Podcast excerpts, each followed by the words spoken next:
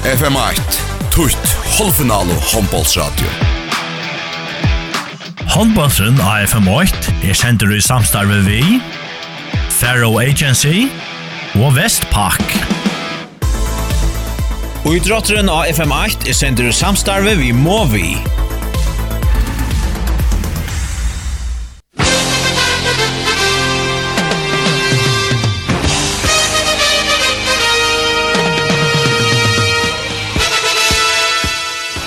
Velkommen til Beinleis Hombolt. Nå er det etter SMS-stelten til er første fyrra halvfinalen mittel Næstan og Kjentel. Gjør så vel, Sjurur Hildarsson Høydal. Takk for teire. Her får jeg klart klars beina av veien. Kjentel sender til dreier. Jeg begynner vi bølten her ut hos om jeg to. Så vel råper første fyrra. Vi vet ikke om det er fyrra, eller bare at han første er Trimon. Halvfinalen er om finalplasset. FM Nala Plaza. Kjendil altså Steba-vennerne som vi lærte å kjenne her. Leer kvöld i FM1, der vunnet Steba. Vunnet faktisk kontestebe etter en en sera, sera, sera minnelige finale. Og året av den beste. En kunne minnes Det. Og det er heist, skal jeg bare si. Kjendil for jeg blir vi bølt noen her. Där börjar vi bara krossa Hansen och Mine, så nu krossa Hansen av vänstra backe, Tori Arke Samuelsson av högra backe, och högra vange Anja Eliasen, av vänstra vange Björk Krostaj, in i strikning Jördis Vistein, och i Malnån börjar Rebecca Johansson, storläggaren från Stevafinalen, kanske den stora Malvergen, ena ligaläggaren ska jag kanske helt säga, Malvergen, Nikolina Paulsen Poulsen Kirchberg, att nu har Bönstånd, spelar väl Kinskvinner och förresten mot högre ut av vänster Björk Krostaj från Öjde, Gonch Hansen av vänstra vange, men Giovanna Sarnas Björkar, Nasten blev bra, Maria Nilsen för bollen olja jag fram. Så gör de en skifting och i all upp någon till Brynja som kommer ut. Nasten börjar vi Jovano Stranjanac och i mål av Vinstra Vonci är till Lea Mår är här. Vinstra Batje är den Nadja Pevic, Amine Maria Nolsøy, og høyre Batje Ingon Persson.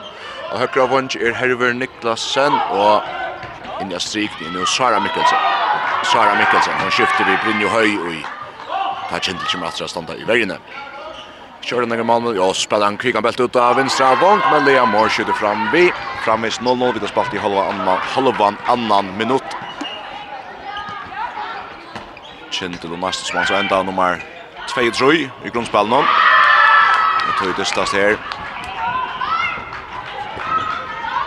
Fyrir Tori Eiker skjøtta midt fyrir, hun skjøtter om han fyrir, hun skjøtter om han fyrir mesten hinne. Frammes 0-0. Vi har spalt i 22 minutter i gang. Vi finner fyr fram etter Tja Banlion. Og kanskje overgår fyr. Tja Kjønni her bant der. Nei, alt det Tori Arke kommer til en fina møle. Kan skjøtt bra om og fyr.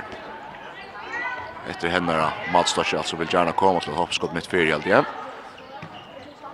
Og så fyllt at han tøll mannen skår i stedet på noen som kom ja just han hot. Her er nesten det bra til Maria Nolsøy. Atle Ingon Persson og Rebecca Johansen vi riser bjergjeng i malen. Framvis 0-0. Gå bjergjeng fra Kjensmalarian og Rebecca. Hollover 3 minutter. Færen framvis 0-0. Kjent til Kiva Sjano John Gjørtis Vistein. Kjemst rundt og strikten. Lever Sjona ut av vinstra vang. Bjørst Krostai i jøkna og John. Og Esfer Ølja Ølja valskåte. Bjørst Krostai. Vi maler.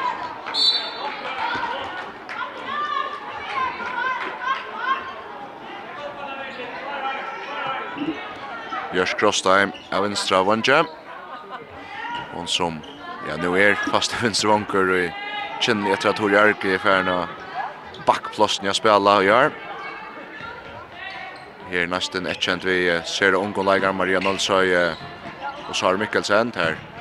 Sara kommer en runden og så spiller det kvicklig ut til en annan ungan vank Leo Moore, men etter stor bjergjeng fra Rebecca Johansen i Kinsmalen.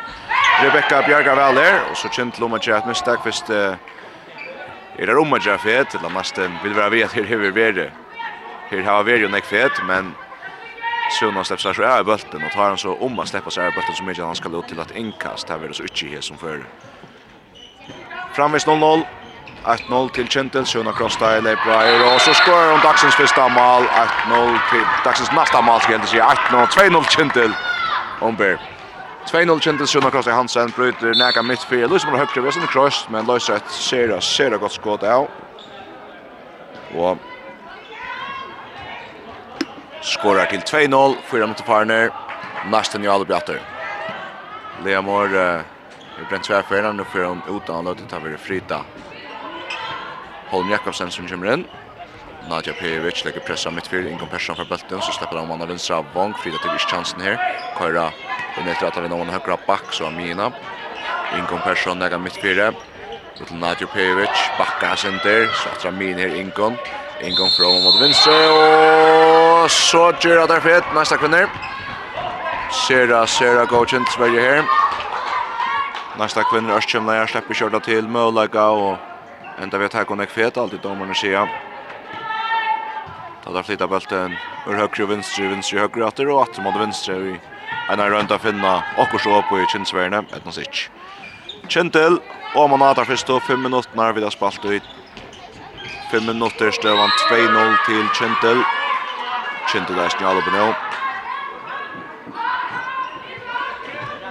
Sjøna Krosta Hansen er mitt fyr, fra mot måtte høyre, slipper bølten til Bjørk Systein, så kommer Tori Arke mitt fyr opp, hengar, rymmarskott. Tori Arke, sønne første mal i dag. Och nästan inte kommer gott från början här. Nu skulle det här fram att uh, få åkrar bättre möjligheter alltid. Marian alltså ja tar Montevere hon och för bak upp gör. Ja, kommer det gott rycka strikne och så ändrar hon sin ensam mot Montevere. Marian alltså så skorar hon dagsens första nästa mål Marian alltså nickar mom till 3-1. Det löper såna Frostai Hansen och After, Ron Farman After. Ja, vinstra backe. Jag syns inte crushed eller så, men helt i var en det väl ta hon och så är i Leisen Lofte. Så att hon vill ska köra fort, men kanske han är crushed. Och i skottstunden. Fyra ett känt vi vidare spalt i 6 minuter. Nästan i Jalmar.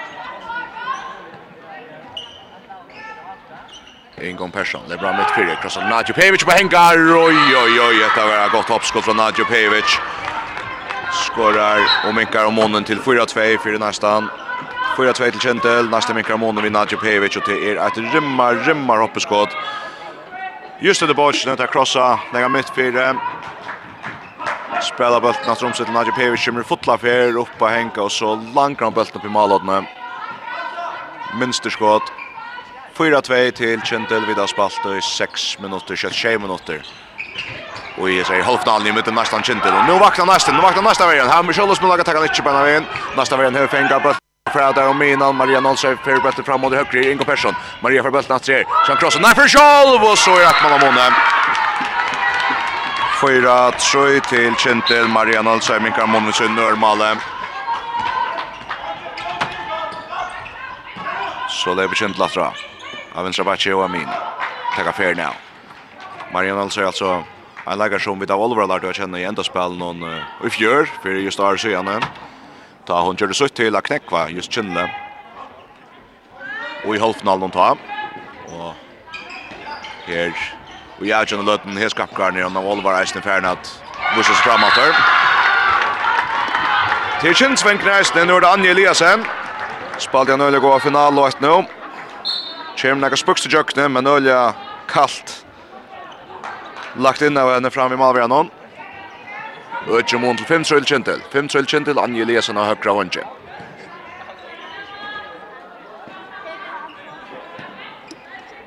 Og Marsten er bra. Ingon Persson som går for Nadja Pevic, og Norda finner ikke heitan skåtar mer. Skåra sutt anna mal, og så ett man ammonia 5-4 til kjentil. Nästa minkar mån att vi rymmar hoppskott från Nadja Pevic. Här är en som har skund funnit på Teddy Tori Arke och bättre nummer bra läser till er nästa kvinna som har tacklat sig domar nu. Nästa kvinna här har tacklat. Kintel Lebra.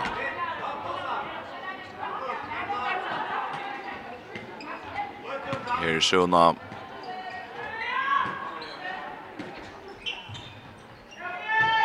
Kostar Hansen mitt fyra. Brødrene måte. Vi jeg, oi, det er tveida bøtten borster. Tveida bøtten borster. Jeg vet faktisk ikke hva gang galt her, men uh, akkur skjer det. Tøy at uh, bare om man sendte en her, og til for en hundra bøtt der. Just så som hun gjør på en til uh, rettast det. Vi er en dyste. Hekkelugga mot vergerne, så spiller han mot vinstri, og så skal Trustil, og som ordentlig byrja. Og jeg spiller bra bætt ut av vettelen nästan ju. Leva drar att tackla center och Tor Jörgen hever tacklar frukast nästan. Det är frukast nästan. Frukast nästan till Tijem. Nadja Pevic på sen vi person och kan nästan för framma i Auna.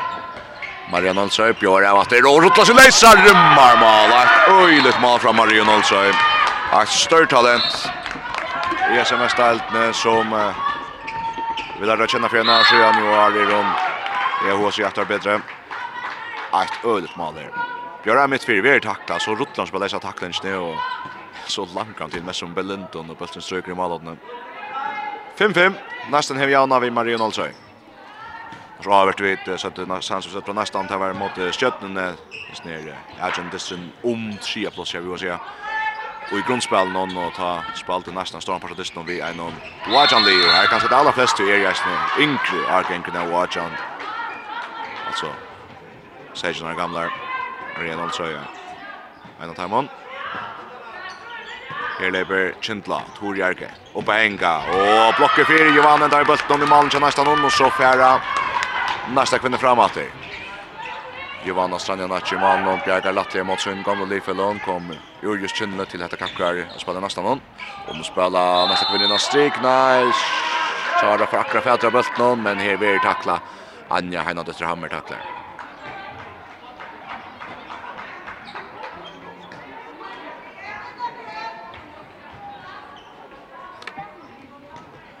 Nästan skifter ut och Björsk Johansen kommer in högra back. Eisne. Og Adjan leikare, og 16 leikare i fjør, altså Ingro Adjan. Færbølten høyre av min her til Nadja.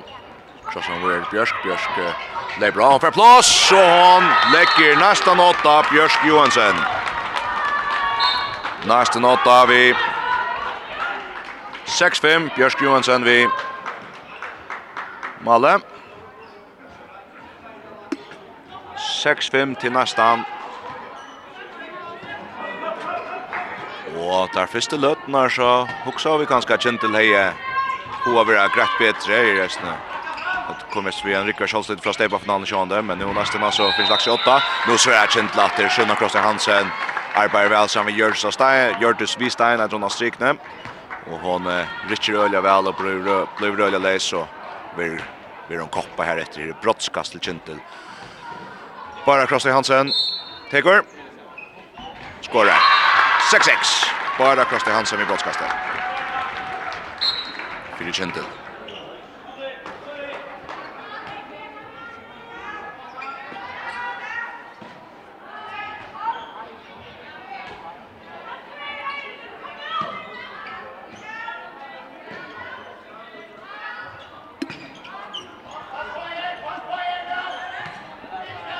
Nästan att jag håller på. Ja, bulten i mitt fyrre, så til høyre til uh, Bjørsk Johansen. Det er godt press inn etter, og så Maria Nålsson lager til Lesfer fram i. Fram i. Fram i. Så kan Kintel fara fram og legge seg åtta. Lager jævnt her de første 12 minuttene her. Kintel blir jeg gjølja vel, så jeg nå nesten kommet innan til distan i hova sida, og i resten finnes jeg lagt seg åtta. Nå, Jan Legrator og Kintel spiller for legge seg åtta.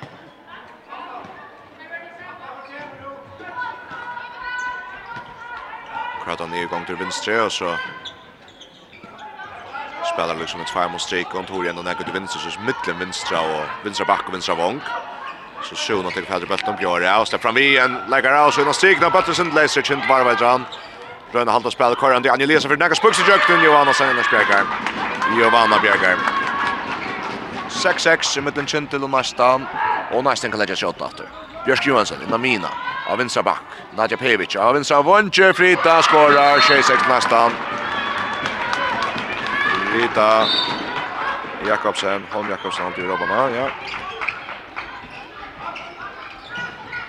Av vinstra vonche Som Jakob lopp och så gånga bältet nästan nu och Kent kvinner Röna halta pressa fram efter har nästa nästa vän kommer helt på plats men då har han vägen bättre. Nästa vän vinner bulten.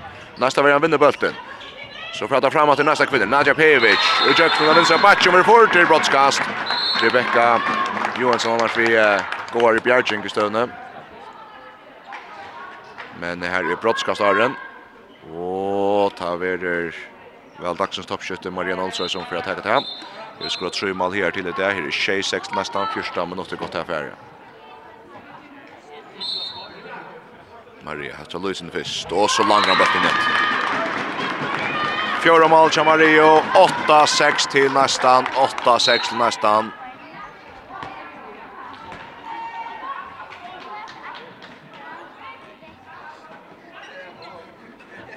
Åtta, sex till nästa. Vi tar köttspalt i det första korset här. Här Stepa vi när ner. Ja, Sender. Meira Olvar i egna brand nu. Det var ordet första minuten här. Hej, hur har gäng på stasjadamon. Nu nästan har vi tar en brott. Ja bara Krossi Hansen, det är bra. Ivas har sen det finns zon och så ska sätta nu tja fyra och så vill han tackla Brynja Höjvi tackling, Brynja Höjvi tackling. Ja, Brian kör nästan någon hever gott skila. Att känna nu. Spelar man av vänstra vank här. Anki vid Jöknen. Kipa sig pura. Så Nutsson mitt fyra nu. Torlek press för högre.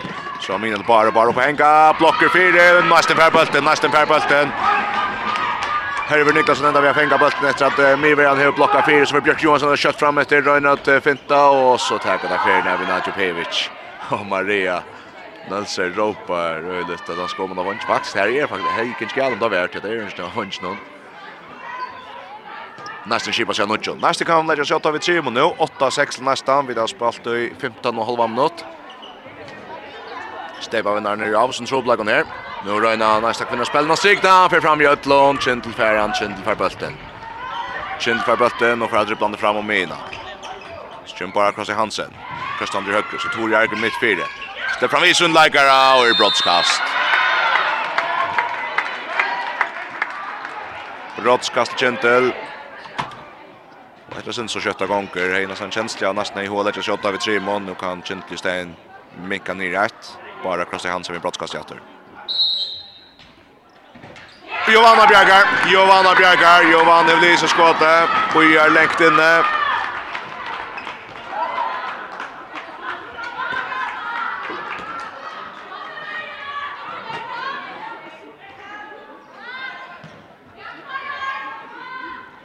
Frammes 8-6 till nästan bara Krosten Hansen för inte bult i mål vid brottskastet nu kan nästan så lägga skott av sin trim mål till Maria till Björsk och så man har vänstra högra vångar ska med och till Rebecca Johansson som bjärgar. Till Rebecca Johansson som bjärgar. Det blir dysten vi fitta bjärgen här. Malvern Kinle. Så Tor Jarke och hon får bulten i målet. Och får bulten i målet kjem, så är det inte ordet fra, för vi är liksom crushed ner att de ska upp och hoppa men för framme är lite armen som inte längt upp att hon försett bulten om man för vägen och så ner i och i mål och center match om till att tillvilt eller om till vi vilja. Men Giovanna har känt pura ska av vägen och bulten för center väst. Spärklig mål ju runt över dem. Hinner med en. Acht mål Moniator, 8 tjej till nästan. Tori Arkusen Nörnmalle, Hevmikko Monen. Nadja Pevic som får henga her, og så bjergar Rebecca atter i malen. Kinka fra framme Janna Tor. goa för uppe till och blocker fyra. Rymmar blocker fyra. Så var Nadja att vi blastan var brinner runt vidare.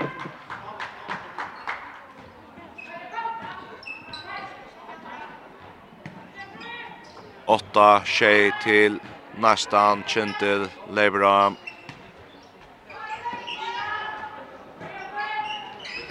Bara Krasiansa Obersen som läser om fra natter. Tore Leibra från vinstra batsen, bara mitt fyra. Atle Tore vinstra batsen, Leibra banta mot Verno, och tråk sier der. Tråk sier dommerne. Tråk sier dommerne, så kan nästan natt fram och öka 8 tjej till nästan vid att spalt i 8 minuter. Marion Olsson lanka till men Rebecca er... Uh, Brennande heit og kjensmalen. Og Bjarkar Attor, stor, stor Bjarking. Skåte kanskje mangla lysen har hatt i fjerde sinter. Og en god armhatt, tja. Tja Rebecca, men uh, inn en Bjarking kjenne. Blir øyla vel her da Næsten nå Kjente laga janta som helst eier, som vant av er. Nå leiper Kjentla fra jauna atter. Nå ikke måtte faren er 8 tjej til nesten Tor Jark. er bra midt fire. Stepp fra mysen, første lagare. Og teier nå blir brottskast og en utvisning. Og til Brynja Høy som uh, fra Vøtle. Eller hva? Til Bjørsk. Ikke viser ut. Og for først fram i Brynja og så gjerne Bjørsk. Og Ja, Björk Johansson är det som färre utvisningarna. Bara Kosta Hansen för att ta brottskast och i mot Jovano Stanjanac. Jovano Bjerga mot Barry Janne. Där Jenny Chess för bara lägger bulten under Jovano. Och så Janna går 8-8. Nöjtja minuter Farner. Janna Gratter. Och det kommer så frösta om till som norsta i Jörskvöld i det här blev sent så som så vi spännande någon. Ska med som vant att Masters närmare till här till Klaxvich vi gör så spännande. Han har försvann 7 och 3 och 3 och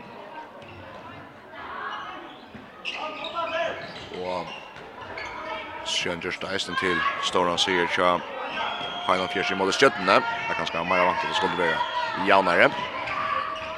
Her legger janta 8-8 etter knappar 20 minutter og nå Korkjent Sverjan bedre enn neste halvåpet. Där får tackla väl. Han kör domaren uppe där ska skunda sig nu känner till där spelar bollen håller runt. Maria ska skjuta där för själv och för block för Rebecca där bollen om. Rebecca där bollen och så är det Kjentus kallar jag sig åtta åter. Till han lötskan här över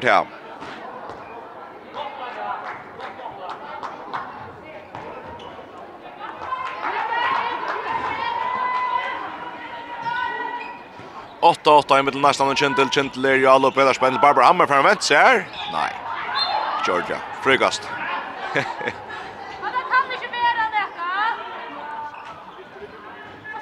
Barbara Hammer för bulten och så vänder sig så ser hon så här tvär tvär tvär väligar för sig.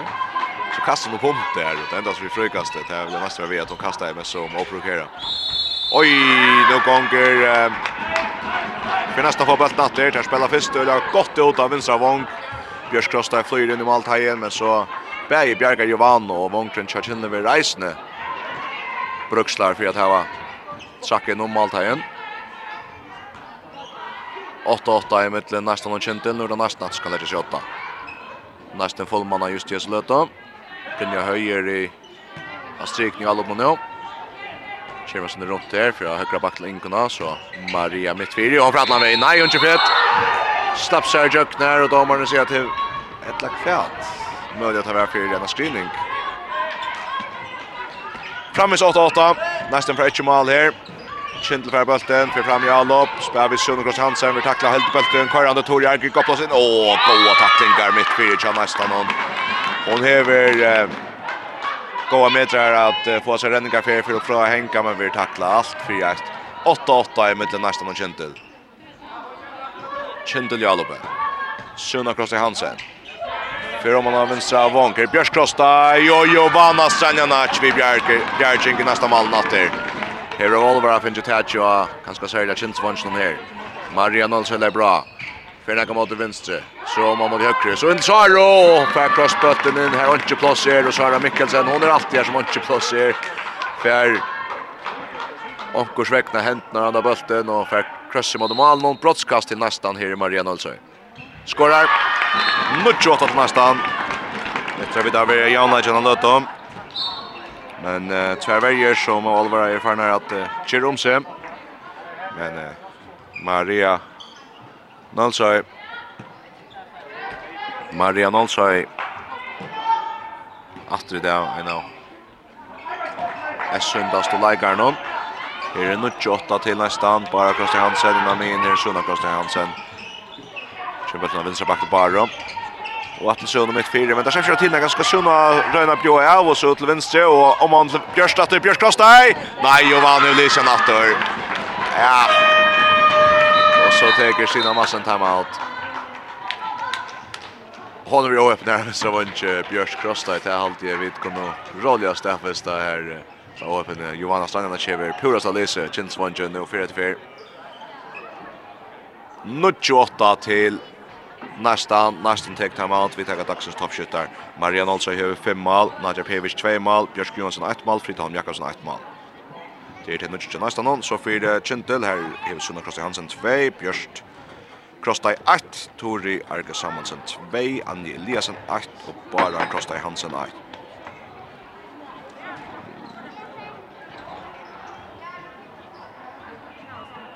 Bara Krossa Hansen hever runt över två mål. Så får det stämma till Nuccio 8. Kanske vi höra Luka kvar stolakna sia från Hombolt i FM1. Frasegnenar er det storleier av ervetøkne, sjolverskande løsner til ødel endamal.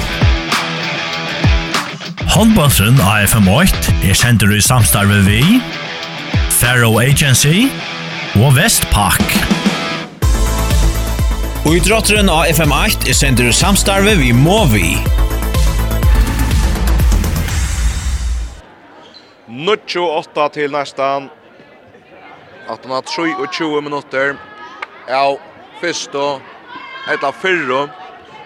FM halvfinalen i ES mestaltene i mittlen Kjentil og Næsten. Næsten og Otta Næsten her praten tinsk i en minutt fra Darialo.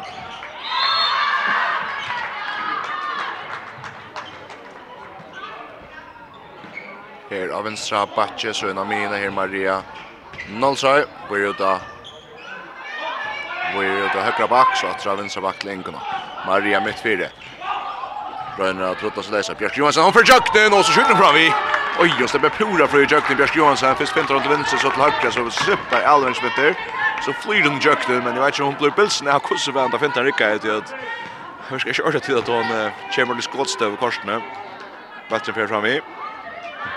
28 till nästan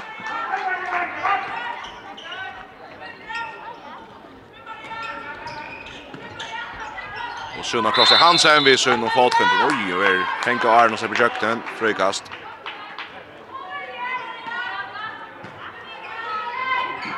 Svanna Jarsvarsdøttre kunne med vinstra vang tja Kjindle. Sunna Kosti Hansen er bra her midt fire. Vel Tori, som var midt fire, kanskje bak i høyklokk av korsene. Kjempe etter om han vinstra søy etter. Det blir Svanna, Svanna fer plass. Så kjører man fyr.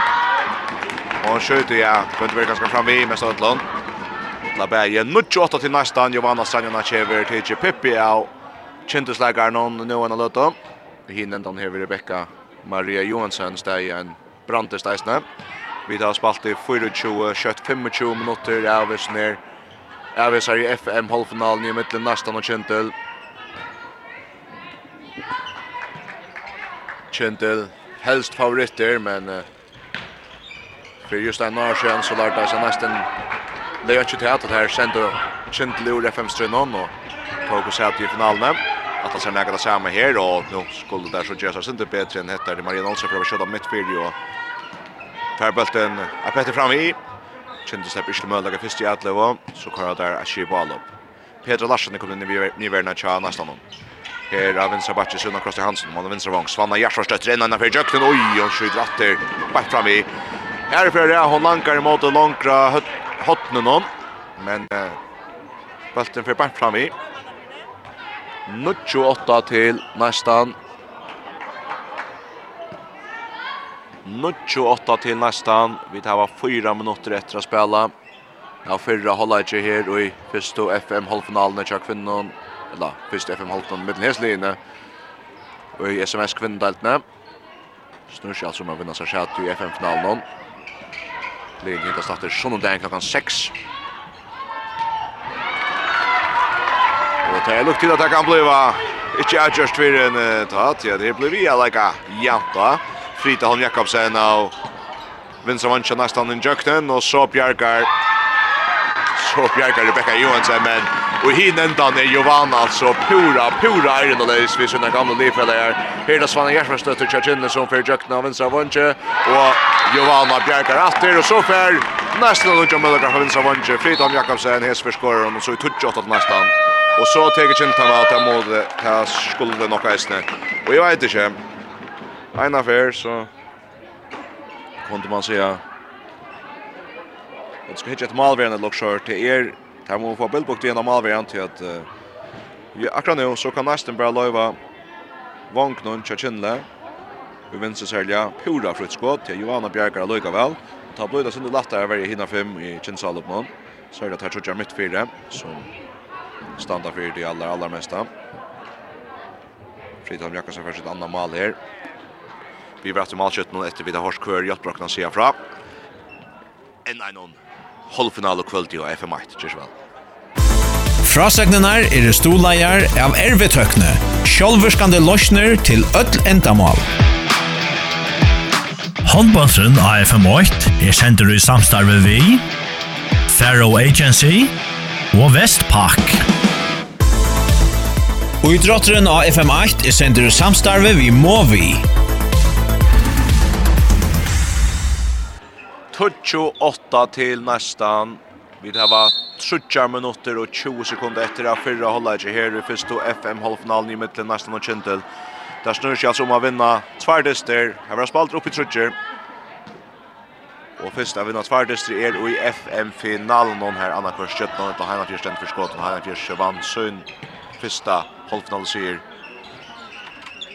Og Gjørskvalt i Kjøttene. Her leikar sinne Janar og Gjørg just på men ja, det er Gjørg som nå vil da minka ned i ett mål. Det er Sunna Kloster Hansen, Brødre Gjørg omtar sin i vinstra, av vinstra bakke som hun gjør så ofta.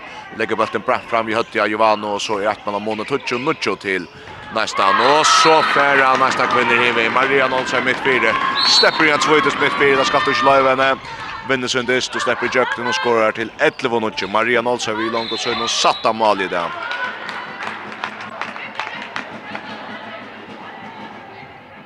11 minutter til nästan.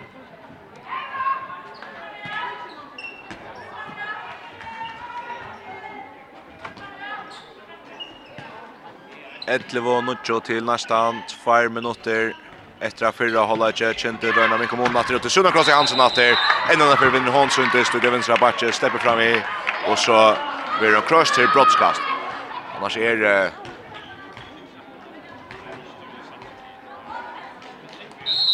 Ölje har sig Tori ända från vänster. Bara cross i Hansen, langar brottskast i nete, sen Giovanni skriver vägen 11 touch till nästan. Tori Arke minkar om Monnatter.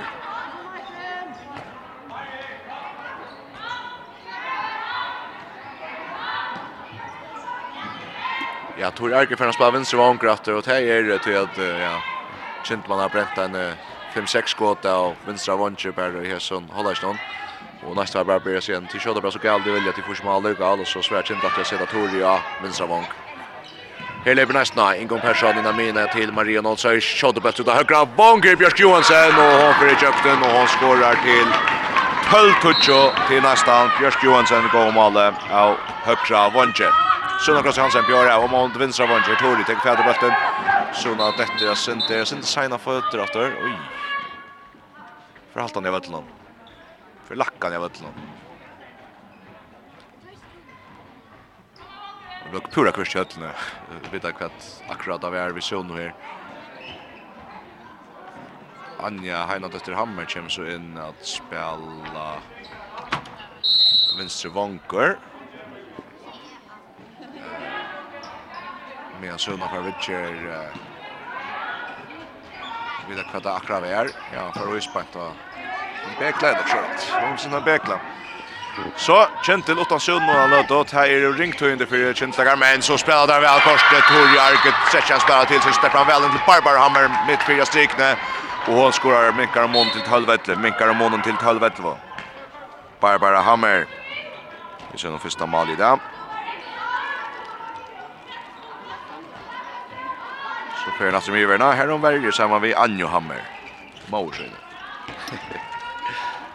Helt særlig støva. Og det er bare nästa kvinner av det. Rutschen Sveen hon vaknar lugga som är efter kvartset där finger på Sunna Krosse Hansen så utla på helt. Få häntna av men nästa var det bulten korsne så för Nadja just fram igen lägger och så skjuter hon och väljer att gå och hotna kasta Nutjon. Hotna kasta Nutjon till Ja, det visst inte till att det här skulle om att hon var så mycket näck, men här är Tøyen færne i fyrra ikke, her er stekkor, her er 12-11 til nästan, leikar ser jeg jævnt da i mittlen grannarna nesten og Kjentil. Nästan vi, ja, hon sier at Kjentil blir jo best, og at hun har vært 2 eller 3 mål 8 av første løtene. Så blåttelig så rakna jeg serien nesten verden vi, og Marianne Olsøy, hun skipar spel, gjør jeg vel, vi skal skåre 6 av han mot 12 neste malen. 12 etter til neste. Malskyttene er vi taget av kjøtt. Maria Nalsøy, 6 mål. Nadja Pejevic, 2 mål. Bjørsk Johansen, 2 mål. Frida Holm Jakobsen, 2 mal. Sjøen for Kjente, det er Suna Krostai Hansen 3 mal, Bjørst Krostai 1 mal, Tori Arke hever 3 mal, Anje Eliasen 1 mal, Bara Krostai Hansen 2 mal, Barbara Hammer 1 mal. Og til våre teg, 12-11 til nästan. leikar sera, sera janta her i mittlen nästan og Kintel. og i fyrsto FM halvfinalene, og i mittlen Arva Fudgendanar og Grannanar, og vi kunne vänta. vanta nästan att att det blir spännande på det och söndagen att hitta starter och mövliga hade hittat Andreas sen i efter nästa vecka. Överste Janne Lind på sin kirskon spelar inte ut där tisdag som hon så skjuts som lägger som att spela med Rebecca Maria Johansson och Kinsman har varit framme i år. Annars är Johanna Stranden och Eisen varit helt helt framme i år i nästa mål.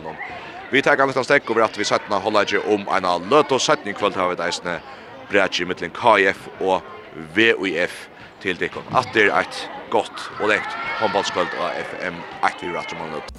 Så är vi där i höllen och håller till Fyrro FM halvfinalen i mitten nästan och kände till lägga janta i fyrro halvlege. Här är tölvet och till nästan.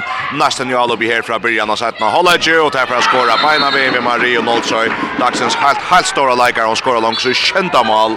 Säger några gamla Maria Nolsøy. Ikke alltid klokka på allt. Hon är yngre Gentur Rajan så mycket vet det. Och till Tuda som spalt fram Steva finaler med annan fyra. Gentur 16 i fjör och Gentur Rajan i år. Tui vidare till. 13-11 till nästan. Kjente Ljaloppe, kjente det synte kjærst her vi at Nikoline Paulsen Kirsk til ikke kjører en legger som er før for å spille og i det er jo siden av Atlan dysten av Bunchton, himin hever Rebecca Maria Johansson, spalta en brandest i Malnon. Og så altså Sunna Krosse Hansen som uh, tack som har beklätt och över det. Hon uh, jag ska inte om så är som hon at alltså ikke spela men ikke ens for å spela på denne veien. Men til å legge Tori Arkion ju ut att så teker hon opp, Bird hon får opp en shot av sin dreppen. Hon teker at Petja Vergärnon och bulten brötas in Sindre Kås, og ganska snøydresten resten og Sindre sen Malnon.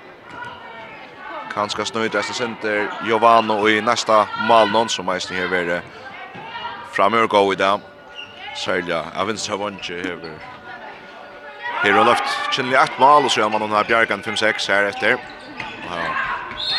Chin känns som att man med annars sätt att Tori Argena eller om man har vunnit här tar Kan man som Lauter skott hon. Och nu gång ta bättre Chinley. Det här vinner bollen i vägen.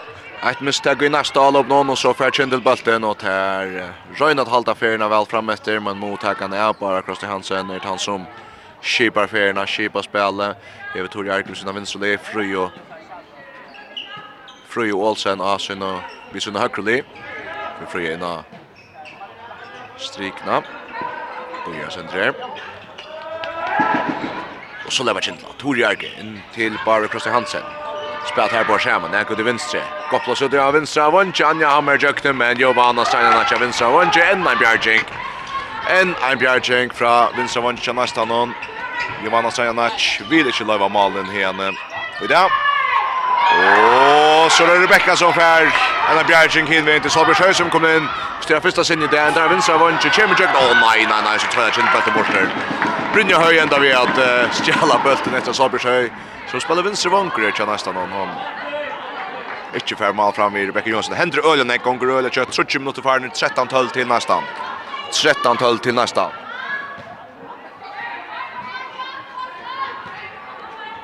Och nästan ju alla bjatter. Marian Olsøy, Peter Larsen kommer runt av striknen. Ingo Persson, Kiba spelar nu. Spel sig med Marie släpper in Gunnar mitt för Marie har bulten av vänstra backen mot min in Gunnar på hänga upp och skjuta i det kör nu chint för bulten chint för bulten. Framvis 13 12 till nästan vid spalt i halvan fjärde minut. Och chint för framåt Fruja, Olsen här att bara Hansen och hon langar ett lumstränne skott av stä.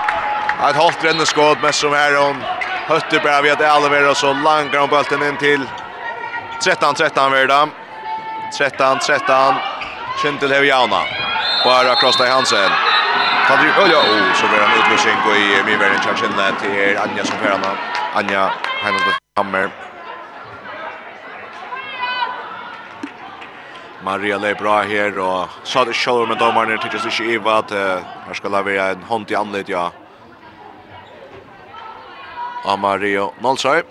Og så kommer Nikoline Kirske inn av fyrsta sinne i dag faktisk ikke en gang i uh, i Malmans blås så så Fer nu i hand og det er jo til Kleine var det. Och så kommer vi inn där för for brottskasten. Maria Nolsøy teker. Och skorar. Och skorar sitt åttonde mål nu. Maria Nolsøy. Och kan kastar talent i nästan någon förstan 13 till nästan. Fyrst Nolsøy. Se. Förstan 13 till Fjørstan 13 til nästan. Och Chandler Jalbe. Och Nikolin Kirsch för kom inn at han ja, i varje var nästa fer. Lever fri Olsen av fra högra Batje. Vi tacklar bara med en för fest.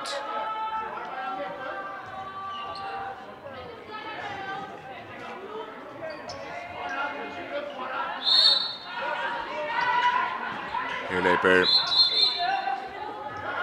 sina råker. Det blir gott kors till Bontjen tja nästan någon.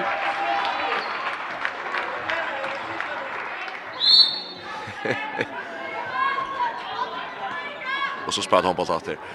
Det är då check vänt i så största Vi måste låta färra. 14-13 till nästan Kintel i alla uppe, spelar för Jan, han gör till Steina, vinstra vänster så kommer hon in och striken och så tråk hon sig fram i sin möjlighet och tar sig att domar, tar sig på nytt.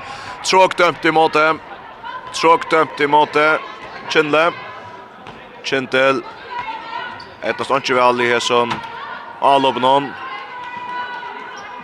Er under manna er en 45 sekunder træt, nesten spil i uttalsspil. Så har vi fra vinstra, vanskje, kommer at vinner batchen. Lenkan om han högra back där får Akra varvat bulten nästa kvinner och så Jihad Hedgehog. Så det är nästa kvinner som Jihad Hedgehog. Nu hittar jag sin distrin och här kommer gatt med Geisne vatta för att hända här vill jag säga. Fyrstan, trettan. Det är Björk Johansson som kommer in och högra backen i värna och så får han lägga om kott och hör alltså fjärstan, trettan till nästan vid spalt i 5 minuter. Fjärd sekund att sätta hålla jag. Det är sin hittnar. Barbara Hammer är min i hjärtan nu. Så hon känner ju kunna stryka nu på det då. Nej.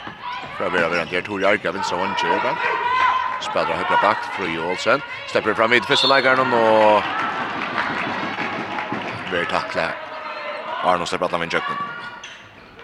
Kindle bra, Barbara Hammer Amini så bara Kristoffer Hansen och vinstra backen så Barbara Fresh åtta mittfyrare Blocker fyra. Giovanna ända i botten, Giovanna ända i botten. Kindler fullmann är nu men nu för nästan framför det chatta. 14 sätter till nästan vid att spalt i 6 minuter. Maria Alsøy.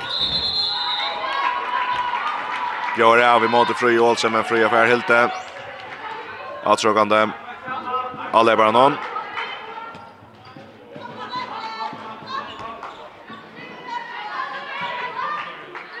Fyrstan sätter fram till nästan vid att spalt i 6 minuter och 4 sekunder.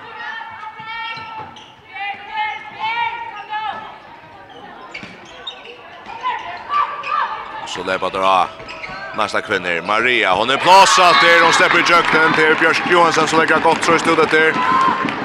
Kerstinga spelar borster fra Sønn og Plåsson och så Maria Nølsøy som gjør det Leot 15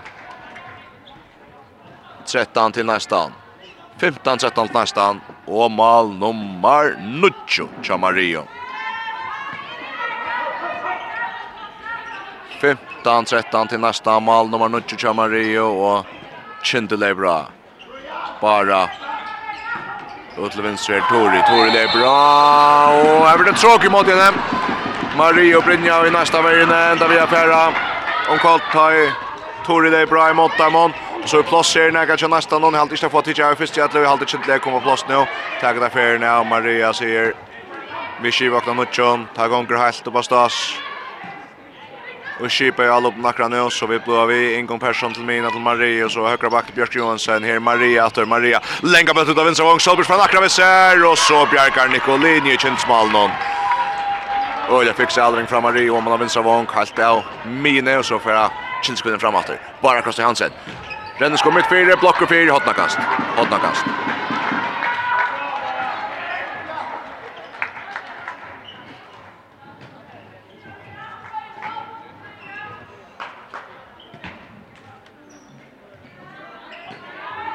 Bara skipar att det spel här. Krossar till Tori som vi ska till här Barbara Hammer ut i backsättene. Så Anja Sunna krossar Hansen och uh, så ser ut som hon lägger som att så kommer på den vägen ut för hon. Kanske hon där allra mest nej ut vet inte. Så hon ständer upp men hon ständer att ta bunchen men så ständer upp i sjätte nio lägger så det. Och nu får det helt mal känt det kommer Jack Daniel Elias när högra av bunchen men står bjärching från Jovano så går Grösche till vägen och så blir åter dömt där dömt en allsvittla i måte nästa någon till här Striksbarn som är runt innan fyra sidan domarna så förtjänt att lägga åter in mot strikten bättre läser inte från åter Kindle för bulten åter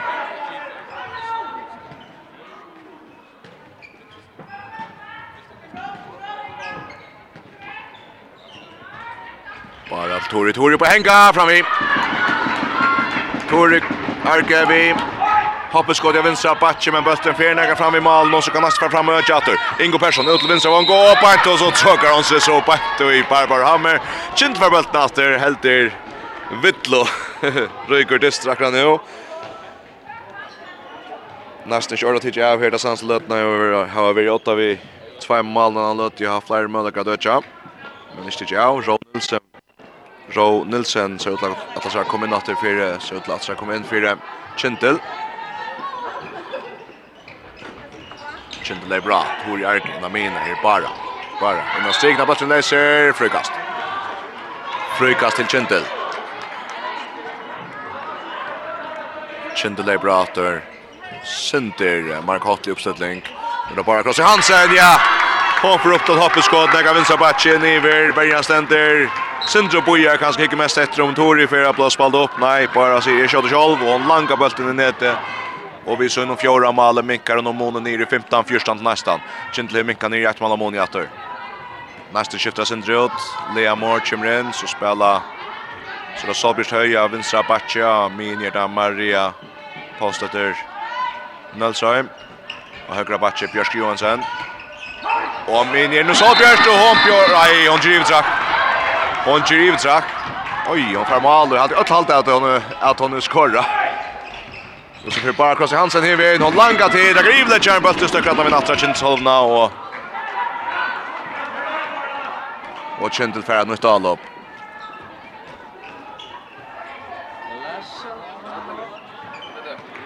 Femtan, fjørstan til nästan. Kintel spelar för Jana. Torja Gavin Sabachi. Björ av om de vinner man går. Ta för fram Jötlund. Bulten för fram Jötlund. Nästen för bulten åter. Nästen för bulten åter. 15 14 till nästan. Vi tar spalt i 11 och en halv minut. Och Jag har sett när hålla inte och nu kan nästan för fram och dödja.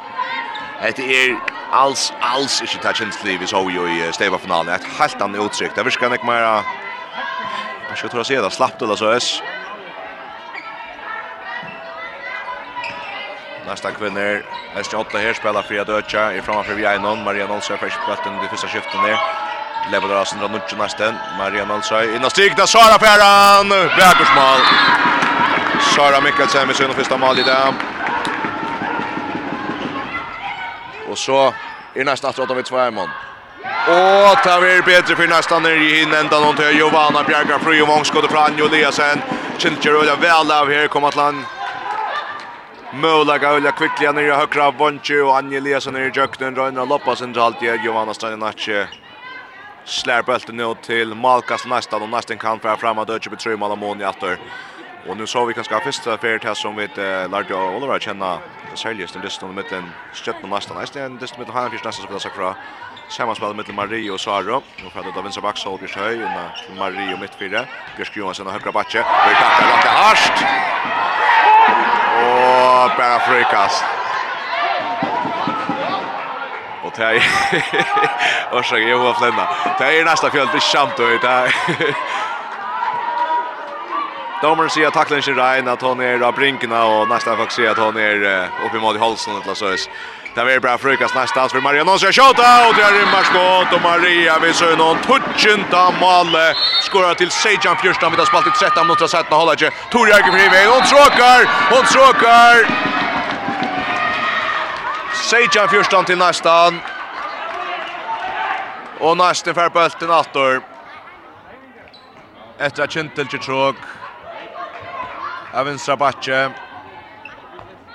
Och nästa kvinner lepa och Jeg må vente etter til etter et er rettelig inn på nærande. Av venstre vantje Lea Mår.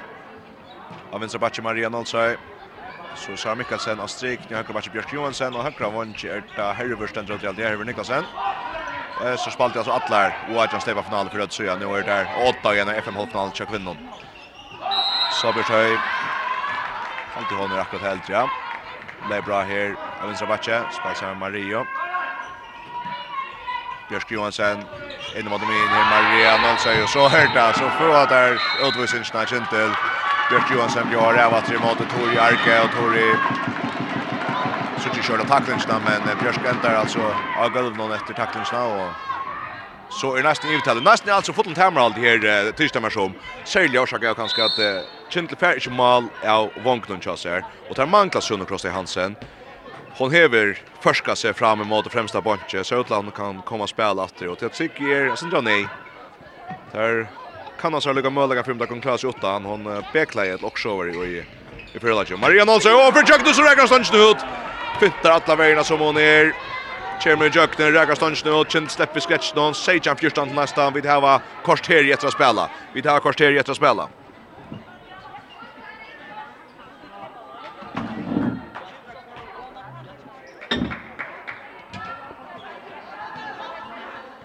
Sejan, fyrstan til nästan, ett kvarter efter att spela, Kintel i undertalje i 1 minut och 15 sekund. Nästan grätt åtta här emot Stepa-vinnaren någon Kintle, men Kintle kan sakta komma till disten. Nu får det en sjön och krossa Hansen till disten. Det kommer in i Alobi här. Missar där bulten sen Joe spel någon och Hansen Domar kommer upp skall bara hans i Hansen sjön längt ut från Hotnagast. Blocker för Januchin till nästa någon till helt först för det. Rebecca Johansson kommer natt i Kinsmalle. Bara Krosti Hansen inna... Inna strikna bälten för fram i Ötlund. Nästen vinner bulten. Nästen vinner bulten.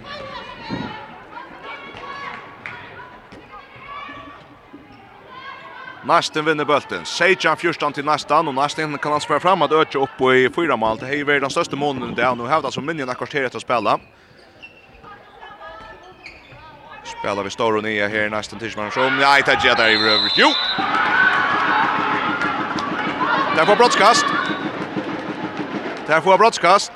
Inkom person är bra av högra backe. Bara Krosse Hansen. Ser att honom stilla sig rast under fyra, men domaren ser nej. Då kommer in i Maltain och sitter sig. Och här är broadcast till nästan. Maria Nolsøy skorar sitt 11 mål till 18-14. 11 av målet kommer Marie Nilsson. Och att Jan Fyrstan till nästan. Fyrstan med något rätter. for för allt Skund. Mara Skont. Steba vinnar ner. Sinde Paffer alltid. Det är vi kanske som mycket att. Och Kintel är bra. Tor Kjørs där kombinator. Sunna Kross till Hansen. Björn Amit fyra ut till Barra, vinstra batche. Och så blir han utvisning i nästa verden till Brynja Höjs och skrutt. Sunna Kross Johansson bjør alltså mitt för ända nesten helt nya vänstra vantje etter att hun blir fort. Så ikke fort men fort om man etter. Brynja Høy skal ha tackla og Ekvislia. Och här är frukast Kjentel. Kjentel i uttalstöv til Hadar Tørva. Det Hadar Tørva där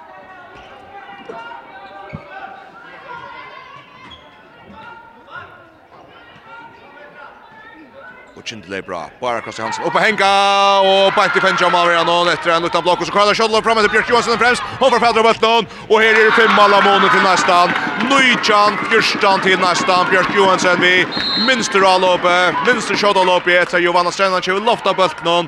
efter att välja nu Jolt henne center och Och i undertalet för nästan ökt upp i fem alla månader. Bjark Barkas Hansson för himmen. Oj, hon räcker i stånd.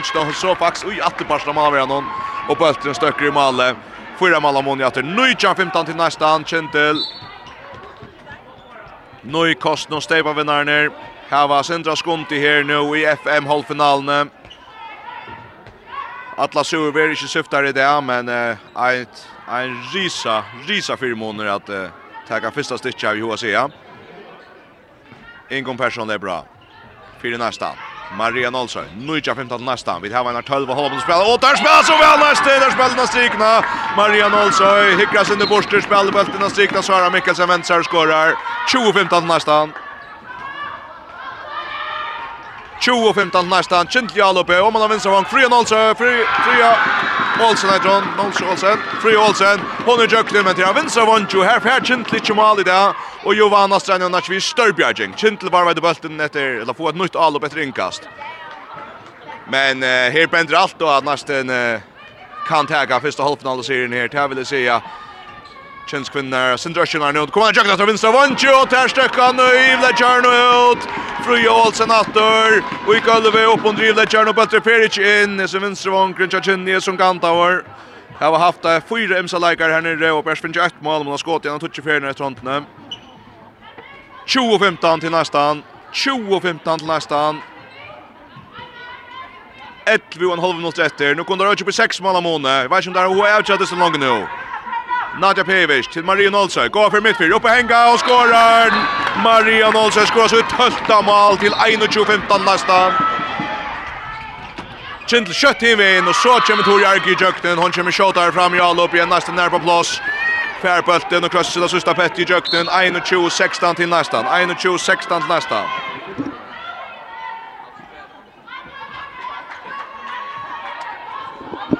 Elvo minutter efter av Fisto, etla fyrro FM halvfinalen i mittlen nästan och Kintel ger mest ställning till kvinnan och nästan Grett om han har i måte Nøykost som steipa vinnaren hon. Ter framme 4-21-16. Vi har gått touch mot etter å spille. Solbjørs høy, det bra for høyre bak. Innan minnet Natjo, så packar deres inter. Kjennes vi kanskje for Ørstjum, og det er Lutsen. Nå nesten for Solbjørs, alle veien. Frygast, frygast. Brukar ta fjorda fete, og så på med veien. 1-20-16 til nästan. Och nästan Jalobe. Marian Olsøy till vinst. Nadje Pevic. Hon får upp och hänga här och skjuter för bulten. Tar blocka för i första Vi håller ända ståndstället om kanske Rebecca Johansson ska bjärga nästan. Kintel Husgård tar skulle fram fram mycket månen och spelar Will Tori Tori så blir möjliga på ena vägen så då Suna vinstra backe Suna cross i Hansen in the mode. Will Bar innan sig där fantastiskt spalt där Kintel otrolig allvärden krav Bar cross i Hansen till Jörgens Vistein och så är det fyra mål av Moni att Kintel minkar Moni i Rangers Hedjan från från Jörgens Vistein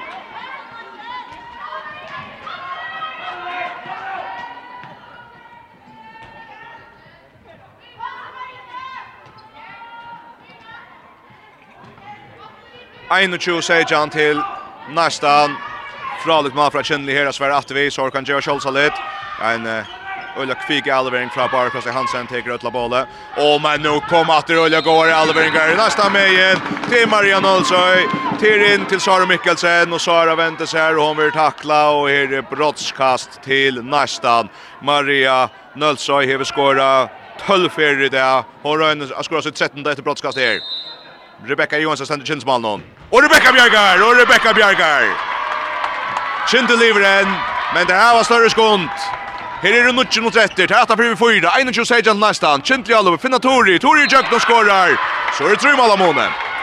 21 sejan næstan. Og Narsten teker timeout. Narsten teker timeout. 21 atjan til Narsta, men her er ikke atla 20 siftar enn. Kintel byrjar er rørast av Olvara nu her. Rebecca Johansson, vi tuttninga, tuttninga minklare. Brottskast Bjarking, og tar vi revsa Øyla Kjøtta av Tori Arkeo, så det finnes ikke minka ur 6 malen hadde det væra. Nere i 3 mal. 5, 6, minst ikke helt. 21 atjan til Nastan. Vi tar hva en er... Uh, knappar 90 minutter etter å spela, og her er ikke helt livet enn hos nesten hever Virja vi mål sikkert nu enn av lødde. Kjentlig ferna røra seg. Vi gjør etter malskjøtten etter vi da hørsk for hjelpblokkene sida fra FM halvfinalen i håndbolten. FM 8, tutt halvfinalen og håndboltsradio. Håndbolsen av FM 8 er sender i samstarve vi, Faro Agency og Vestpak. Vestpak. Idrotteren av FM8 er sender samstarve vi må vi. 21-18 til nästan. Vi har 8 minutter og 45 sekunder etter å spille av første FM-halvfinalen i midten nästan og Kintil i SMS-delta kvinnon. Det er snurr som har vært av vinner tver av hesson halvfinalen. Det er å si, vinner du det, så er helten denne setten i Gjørter. Lin hittar startet sondag klokkan 6 her i høttene. Her altså nästan om man har nästan pratat om tension og i en minut och därför är Jöknen med några midt fire, og Maria Nolse hun skjuter med Rebecca Bjerkar hikker på domaren og skjuter så kan kjent Chin fram och vinka ner två mål Amone bara kan se Wilson och plötsligt läser nästan enda vi någon nästan enda vi någon nästan enda vi bulten någon och detta var en vøtt i anledning av kjennelig til at, uh, skora där här så Ibis är ju att det känns som att det har alla lejer att redan desten. Nu kan nästa steg fram framåt då upp i fyra mål. Vi har 8 minuter att spela. 21 och Archant till nästan. Maria Olsson, det är bra mitt fyra. Hickar mot högra vänster. Björk Johansson, hon är jacken och skorar väl. Björk Johansson. Tria malet kjas her till 22 Ajan. Kjent kjent himmel. Her har skont. Bara Krasi Hansen. Og stund står ut. Barbara Hammer fra den venstre vanje. Og så skorar kjent av venstre vanje. TV Barbara Hammer.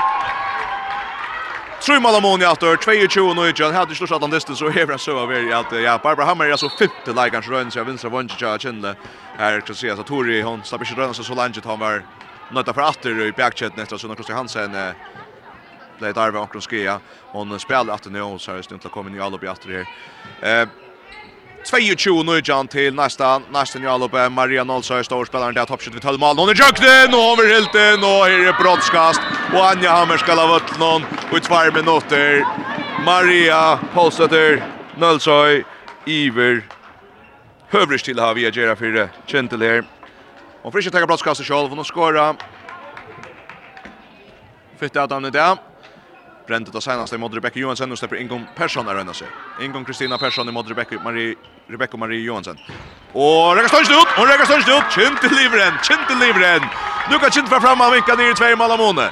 Här är ju undertalet, men det är skunt och är shame shame något lätt att spela. Ja, jag smäller skunt så att nu tagar där så Sandra Lötton här här var en undertalstöv i 1 minut och 40. Og etnast så at du minkar ned i tvei her, så kjennes det kanskje ikke som at hun er så knøppa løyga vel. Men Fargen skjer mot dette spela, 22-0 til nästa, nästa akra brett brottskast tvärfärna Kindle bra på Arkas Hansen till Tori Arke näga mittfyr bröjde mot högra helt mot högra vång Ron Nilsson i jöknen har Arkas stans nu och kvar bättre nästa nairan Nästa nära bulten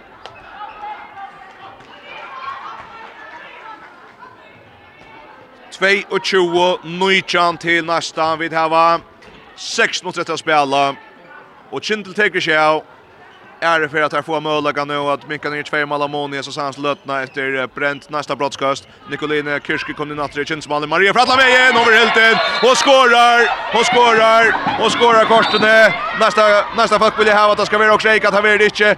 känt för fram efter Ronnen så stäbber Kirske första sen och så tagar det för Nu är det fyra mål Amoni. Här är det gå 5 mot 1. Här är det 5 minuter och 8 og 30 sekund efter og Kintel teget hem out. 23 i Jantel nästan. Nästan stevner mot i halvfinalsekund nu. Efter en et mål från Marion Olsson. Tar vi henne mål nummer 13 av 23. våre som er avrik. 23 i Jan till nästan. Kintel ska hämta fyra mål och på ena går bara 5 minuter eller så vi har etter att spela. Det er trobolt, ikke omøvlet, men opera, opera trobolt. Vi vratt vi senast og fem minutter eller så, men han løter vi fra lykke høyre for hjelpbrokkene sier fra halvfinalen om. Gjørs vel. FM 8, tutt halvfinal og håndbollsradio. Håndbollsen av FM 8 er kjenter i samstarve vi, Faro Agency og Vestpak. Og i drotteren av FM 8 er sender i samstarve vi Movi. Movi. 23 nøytjan til næstan. Og i måte kynlig her og i fyrstu FM-halvfinalene. Vi møter næsten og kjentel og i SMS-delten tja kvinnon. Næsten er av vi i måte fyrsta halvfinale sikkernon. 23 nøytjan og her er bare 5 og en halv minutter etter å spela. Kintel er i Alupe. Näst ut jo Mansverger Hansen. Kintel er en leikare farre. Har Malvia notet. Tor Jarkon vänster för Jökten och skorrar. Tor Jarke, minkar mån i trumalatter. Hetta var området att få Malpaina Vinch. Jag känner här. Goer, 5 minutter etter å spela, 5 minutter og 15 sekunder rundt og vere. Kintus Gerard, Kintus Kjente Gerard, Fullmann er om en 20 sekunder, jeg vet ikke hva nesten atlas her, atlas her skundas her. Bruka tannleikeren til å ha flere, Maria Nalsøy, ut mot høyre, Ingo Persson, Atlan Vinn om en høyre vang, Bjørk Johansen, og Rebecca Bjergar! Rebecca, Kinsmann og Bjergar, rymmer distri hånden haft her i det. 23-20 til nesten, knapper 5 minutter etter, men nu kan Kjente minka ned i 2 mål om måned, for å få, takk ikke mølle kan beina veien, Sunna Kosta Hansen for 18 mannsvart. Bara Kross Hansen och Barbara Hammer spelar sin samman nu av vänstra Vonche men just inte till Molaga. Bara Kross Hansen av vänstra backen på hängarna och är Tori Tori höttra center och Kross nu vänstra bara skida gå backa center ser vi mot Bresen och Nutjon Tori kommer här och mot högra Ron Nilsson helt plats och fyrir Jökner Ron Nilsson och skorar! Två mål av Mone, två mål av Mone och är fyra och en halv minut efter. Ein öliga gå minutter för kjenten fra Minka Månen ur Fyra mål och ner i två mål. Ronaldsen med sin första mål i dag. Och det är inte bara bara skora vunken i dag mot Giovanni och hon hever vara pura, pura ärnlös. Och så skiftar nästan. Så skiftar det är Malvera. Så lämnar för att komma in allt. Det gör näst. Maria Nolsen är bra här för nästan. Ut mot högre. Inkom Persson. Att han har högre vång. Björkström blir inte ner första sinne. Så spelar om att det mot Att han vinner om han har vinstra back. Nadja Pejevic in i måte. Fyra mot 1. Nästa åtta vid två 2 mål. Nästa nu Albe. Innan sikta. Blind Albe. Det var Lars Baltator. Och är brottskast. Jag orsaker. Jag blev jag synder. Eiga spett. Jag suttar så i Albe. Maria Nolsen är väldigt tackla. Hon hickar inte innan strikna. Men lyfter bulten. Väckors in. Här bär Sara Mikkelsen är till Rajar och förväntas här och här är brottskast till nästan. Här är brottskast till nästan och nästan kan Geva sær en gång mot. Här framme för vi två mån vi tar hålla om fjärde minut efter. Fridholm Jackson tar brottskast och skorar. 4-21 Frida skorar. Fyra nästan vi brottskast 4-21 Kintle Röljan skont nu. Tar skulle skunda sig Tor Jarke. innan min här bara så Suna vinsar backe. Stepper in i målet nu. Bara vi är Tori. Här plötsligt i högra vänster. Ronny skall jack ner. Och Regar står för ut och nästa för bulten. Nästa för bulten. Detta måste vara det här. Detta måste vara det här. Nästa Hever bulten i hånden, där har gått 30 minuter efter att spela. där har gått 30 minuter efter att spela. där framför vid Simon, 4-2-1 till nästan, 4-2-1 till nästan här i FM-halvfinalen i Måte Kindle. Allt är inte livet än, Kindle för möjligheten till söndagen, men tar skulle där vinna. Vinner nästan söndagen, så är det här i FM-finalen, vinner Kindle, så är det nog nok dist, men det kan lukka känna dist lite han fest. Maria Nolsi, Oj, missar fata fest, eh? Og kvæt kjent til Roa vinnar balten, eller kvæt har vi nästan sfäran. Kjentils kjente ikke ordet samt der, men... Men nesten var vei bulten. bølten. Her er det bare 2 minutter og 4 sekunder etter. 24-21 til nesten. 24-21 til nesten. Nadja Pevic inn i måte, så vi er til Lincoln av Persson høyre bakke. Triplen i måte, finner Nadja, Nadja på hengen, den kutt fra, og Rebecca Bjergater, Rebecca Bjergater, perfekt i bulten. og kjentferan, kjentferan. Her er det 2 minutter 20 sekunder etter. Kjent skal ha 3 mål på 2 minutter og 20 sekunder. Nett skal han ikke få. Nå røyner Sunna Krosti Hansen. Inn i måte. Ut Tor Jerge. Adam Innom til høyre til Dra. Så blir Kjøkken Hesper. Skulle skunda seg etter nå midt fire. Bara Krosti Hansen til Tor i Nagge høyre. Malmåner hever ikke å si at det ene som, som står snur seg om til å vinne desten her. Enda da vi jaunlegger så blir det langt lagt til. Sunna Krosti Hansen til Mina. Bara Krosti Hansen. Oppe Henka. Og blokker fire og Silja i malen. Enda vi bøtt noen. Så halt jag avgjøren fall. Silja Müller ända i Johanna Giovanna Sainac out av dem. Ja, haft en öljandist. och så fer han og hela sista minuten her ut. och lite Silja tagg över och Silja forfætra bulten och ett gå hjelp fra veierne. Och nästan teget ham out till 1 minuter och 35 sekunder efter och etter 10 minutter og 35 sekundene ta over nesten vunnet den første FM-halvfinalen. Syren i måte kjennle og gjør, og ta er i pura samført rom. 24-21 til nästan. Vi får ta matchen nu. Kvarja. Kvarja detta. Ehm um, vi har att lucka kvar. Hur hjälpt att stå det här och hur helt framme hjälpt bakom. Vi tar en öde spännande man som vann fant i Eisne klockan 8. Gersvall här Simonsen. FM 8. Tutt halvfinal och handbollsradio. Handbollsen AFM 8 er sendur i samstarve vi Faro Agency og Vestpak. Og idrotteren av FM8 er sender samstarve vi må vi. Så er vi datter her til, ja, jeg skal ikke kalla deg avgjørn i halvtid, hun er fattelen i høttelen i holsen, nesten, Hever koppa, steipa vinnaren under kynle her i høttelen i Holse, her er 24-21 til nestan, og her pers 1 minutter og 35 sekunder etter. Kindle skulle sjå under røyna som möjligt att ta fram i Ja, ikke hørt at fullt press, der sender trutja leikar fram og tekker bakkene på sjur. Næste skal gjøres Omaker, Bjørsk Johansen, dribler seg kjøkken høyre vantje, og frukast, og tog en gonger, og tog en gonger, 24-21. Nesten, for jeg gjør det livet nå, hver jeg løt, og Lin hittar satt et sunnendeien, vinner næsten tandisten, så er det der i FN-finalen, Nu går tacklingar på Barbara Hammer men att han är bara nästan någon till att tog en gånger, tog en gånger. I'm not to touch it nu. Nästan det på ena sig där Sara Mikael Fakrish vad nu vi är Björk Johansson och fram i och fram i och fram i Kintel hever just dem nåt nu men här skulle här skulle skora tre mål och nästa ska ju få flyga. Tori Arkio bara kan sansa för att bättre fram efter. Bara trippla alla med. Hon må shot här. Atle Row, Synomine, bara ska shot här. Där vill Tori. Tori må shot. Han gör nästa och langa bollen ner till Två mål Amone. Är 45 sekunder efter. Ska inte kedra och Görlet. Ska man ansa sig vi. Men Tori Arkevi och tar också sina på bollen fram efter. Kan släppa där här nästan. Spaka sig fram. Här är 35 sekunder efter nu. Ingon Persson och högra av Onge. Onge fet. Hon kör fet och så häver Kint till bulten. Här är det 25 sekund nu och det är inte komna från ena minen. Här är det bäst 25 sekund efter. 20 nu kommer där mina. Tor jag fram. Hon ska skjuta här. Nu är bara bara ska skjuta. Vi är då vänster vång. Barbara Hammer jakten och skorar rätt på Lamone. Rätt på Lamone. Här 14 sekunder efter. Jag kunde nästan nu. Nu ska Lashit Stefan tjäna bort här. Och tog in och stäcka. Och tog in stäcka. Nu skal jeg halda tungna mitt i munnen.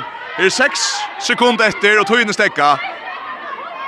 Og, og jeg vet ikke hvor hun stekka, men altså, jeg synes også at jeg fører bølten fram ur mål og nian av mina. Det heter liksom lov å bruka 5 sekunder til.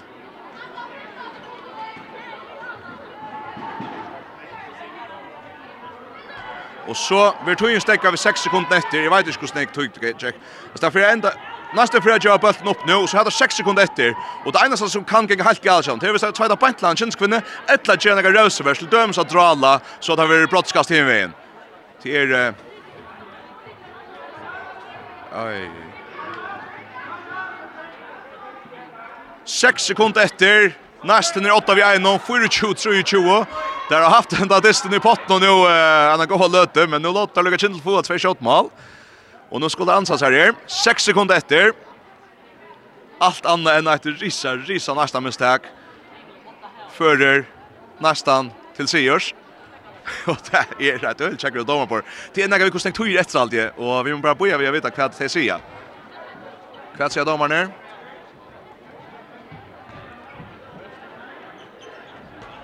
domar ner. ut då prata vi bänknar om kvart det är som sker. Jag håller till när vi kostar tur efter till det så att uh, man skulle finna att och tar han det hinner med så jag hör ska det ske.